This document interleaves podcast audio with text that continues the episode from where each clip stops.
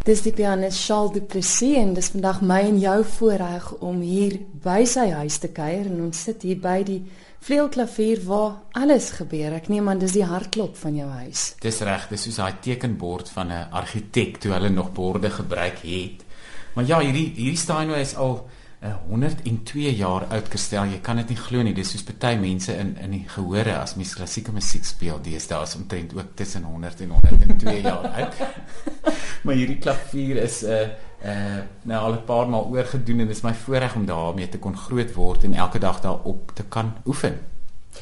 Jy is in 2010 aangewys as Steinway kunstenaar. Vinnig net gou presies wat beteken dit? Steinway nooi mense uit wat 'n 'n betrekkelike assosiasie met die klaviere het en reeds al 'n Steinway besit en dan uh, stel hulle jou aan as 'n soort ambassadeur. So jy word dan gekies om lewenslank net met hierdie klaviere vereensgewig te word. So ek neem eksklusief op op Steinway en speel waar moontlik net op Steinways. En in ruil daarvoor bied hulle dan vir my uh, die geleentheid om dwars oor die wêreld 'n netwerk van kantore waar ek kan oefen of agentskappe waar ek klaviere vanaf kan huur uh, bereid te stel en ook om te help met bemarking en en en op hulle webtuiste my te adverteer.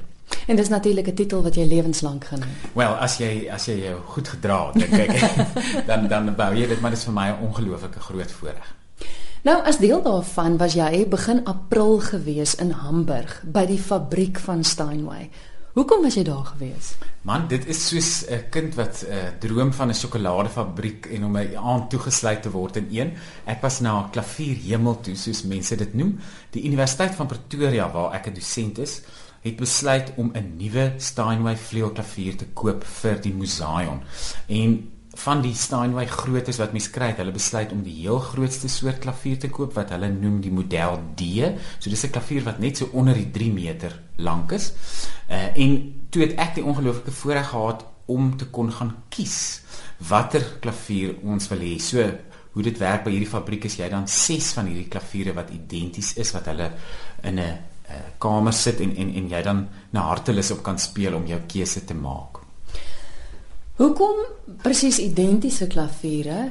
Ek dink jy het vir my genoem dat dit handgemaak is. Dis is dit die rede hoekom? Ja, dit neem oor 'n jaar om hierdie Steinways te bou en om daai rede klink elke klavier uniek omdat die samestelling van die hout in elke instrument en die spanningselement in elke instrument anders is. So dis ongelooflik, dis soos om 'n uh, dansmaat eh, te verander. Jy het die hele gevoel van hoe jy dans is anders met elke klavier. En as pianiste is ons baie fyn ingestel daarop want natuurlik speel ek elke dag van my lewe op 'n ander klavier.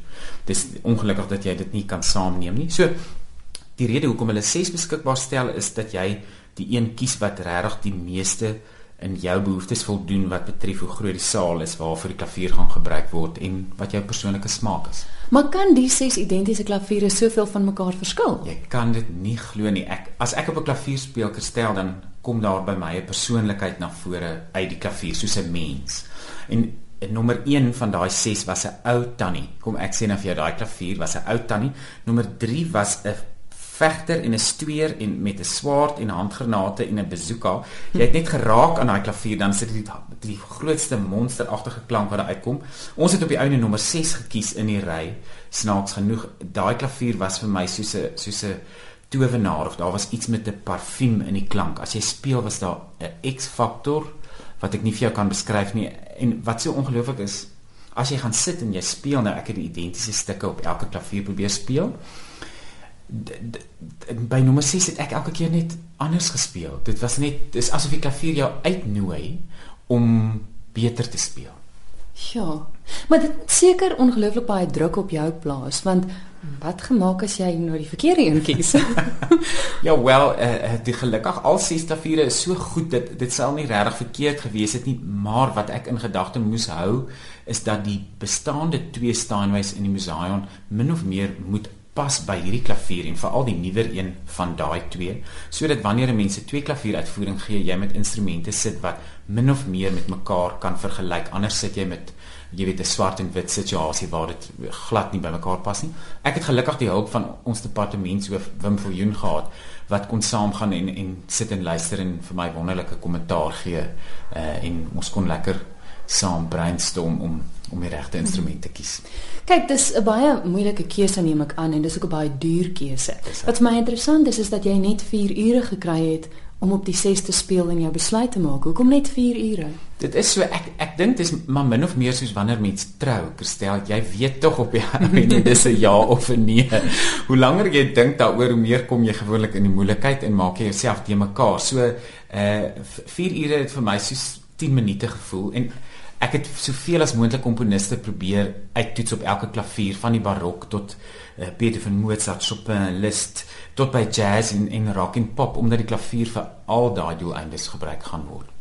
Interessant. Nou soos ek verstaan is die klavier nou reeds hier in Suid-Afrika wat ook 'n hele proses was om hom hier te kry en gehore gaan die geleentheid hê om jou te sien speel op die splinternuwe klavier. Ja, dis ongelooflik. Ek het uh, uh, net na ek die klavier uitgesoek het, was ek nog vir 2 weke in Europa en toe ek terugkom het die klavier die dag voor my gearriveer so ek kon toe gaan hallo sê en wou net seker maak dis dieselfde een as wat ek gekies het.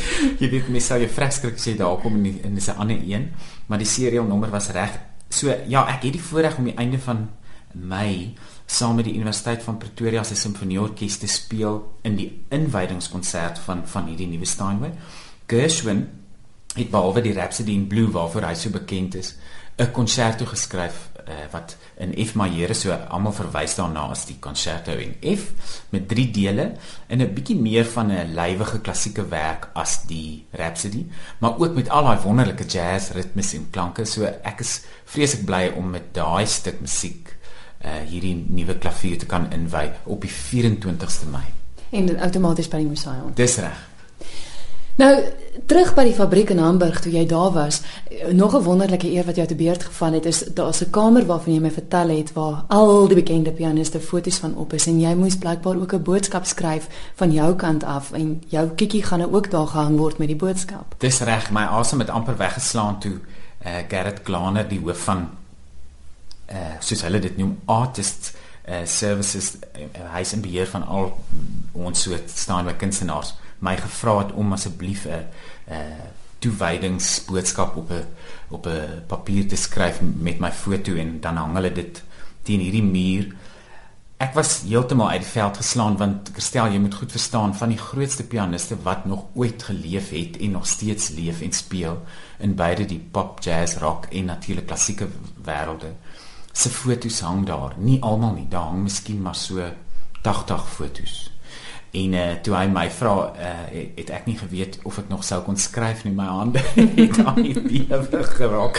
Dit was 'n baie groot eer om 'n om 'n boodskap te kon skryf en te dink uh vir hulle is dit belangrik om om ook 'n Suid-Afrikaanse verteenwoordiger teen daai wall of fame soos hulle dit noem te hê. Ah, fantasties, nou is jy ook daar. ja. Charles, jy was nou in Hamburg was, jy was in Nederland toe gewees waar jy saam met Amanda opgetree het. Dis reg. Amanda Strydom. Ehm um, hoe anders is dit om as begeleier want soos almal weet begelei jy ook van Nathaniel altyd.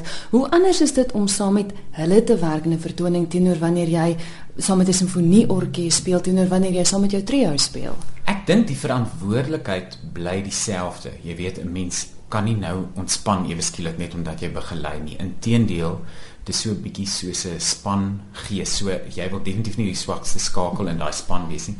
Hierdie was die eerste toer met Amanda Strydom gewees en dit was vir my heerlik om twee kollegas saam met my te kon hê op die verhoog uh, wat musiek gemaak het. Jan Oosthuizen het gitaar gespeel en David Klassen het perkussie gespeel. So Amanda het al 'n lang lys van jare wat sy reeds in Nederland baie konserte gedoen het. So dit was vir my lekker om in hierdie stelsel te kon instap en om eh uh, basies Janine Netling se skoene te probeer volstaan.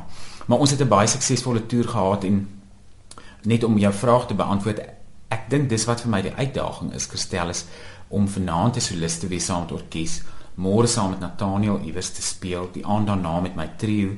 D dit alles wys verskillende fasette van my musikaliteit en dit stimuleer my.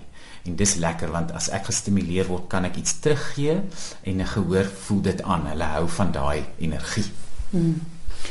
Tussendeur dit alles, want jy's besig, het jy ook 'n nuwe CD wat jy vrygestel het. Vertel my gou van dit. Dis reg, ek het vir hierdie jaar 'n 'n lewende opname soos mens in Afrikaans sê blykbaar vir live 'n uh, konsert opgeneem Pimp My Piano en en dis dis van sy soort dink ek die eerste live instrumentele of instrumentale uh eh, DVD en CD en dit het letterlik vandag uitgekom so ek is baie opgewonde daaroor en en die idee van Pimp My Piano gaan basies daaroor dat ons bekende of ou klaviermusiek gevat het en opgepimp het met nuwe lekker verwerkings en nou kan lede van die publiek gelukkig kyk ook daarna. So dis dit maak dit nog meer interessant. Soos 'n CD en 'n DVD. Dis 'n CD en 'n DVD wat saam verkoop word van hierdie lewende uh, konsert wat ons in die Sandu Plessis Theater in Bloemfontein opgeneem het. In my hometown. Ag, lekker. Ek wil vra of jy vir my die onderhoud sal afsluit met sommer so vinnig iets van die CD af, maar voor jy dit doen, wil ek eers vra, ek sit en kyk nou na jou hande en terwyl ek die onderhoud voer hoe jy beweeg en alles. Ek meen jou hande is uiteraard ongelooflik belangrik. Is daar spesifieke goeders wat jy moet doen of nie moet doen nie of nee, ek is net nie een van daai mense nie. Ek van my kollegas in die in die klavierwêreld of in die musiekindustrie sny nie tematies nie of hulle maak nie 'n vuur as hulle braai nie of hulle eh, bestuur nie sonder handskoene nie. Ek het glad nie so groot geword nie. Jy vat die bil by die horing so as ek my vinger raak sny snaaks genoeg 'n week voor uh Pimp My Piano se opname het ek eh, 'n deurknop in my kamer gedraai om die kas oop te maak en toe breek dit af in my hand en sny my vingers so baie mooi lank snit. Wat elke keer as ek my vinger geknak het, het dit weer oopgebars en begin bloei. Dis nou gory, maar dit is dit, dit seker goed gebeur so nee, ek my hande is gelukkig eh, gesond en ek het nie spierpynne of operasies nodig nie, so ek gaan net normaal aan. Ek is baie geseënd in daai verband. Maar kan men speel as jy daai sny het? jy moet. Dit is die ergste. wat wat kan jy kon speel? Wel, ek het begin met The Man I Love van Gershwin. So ek ek dink ek, ek gaan net klaar maak wat ek begin het. So ons bly op 'n Gershwin tema vandag. Thank you.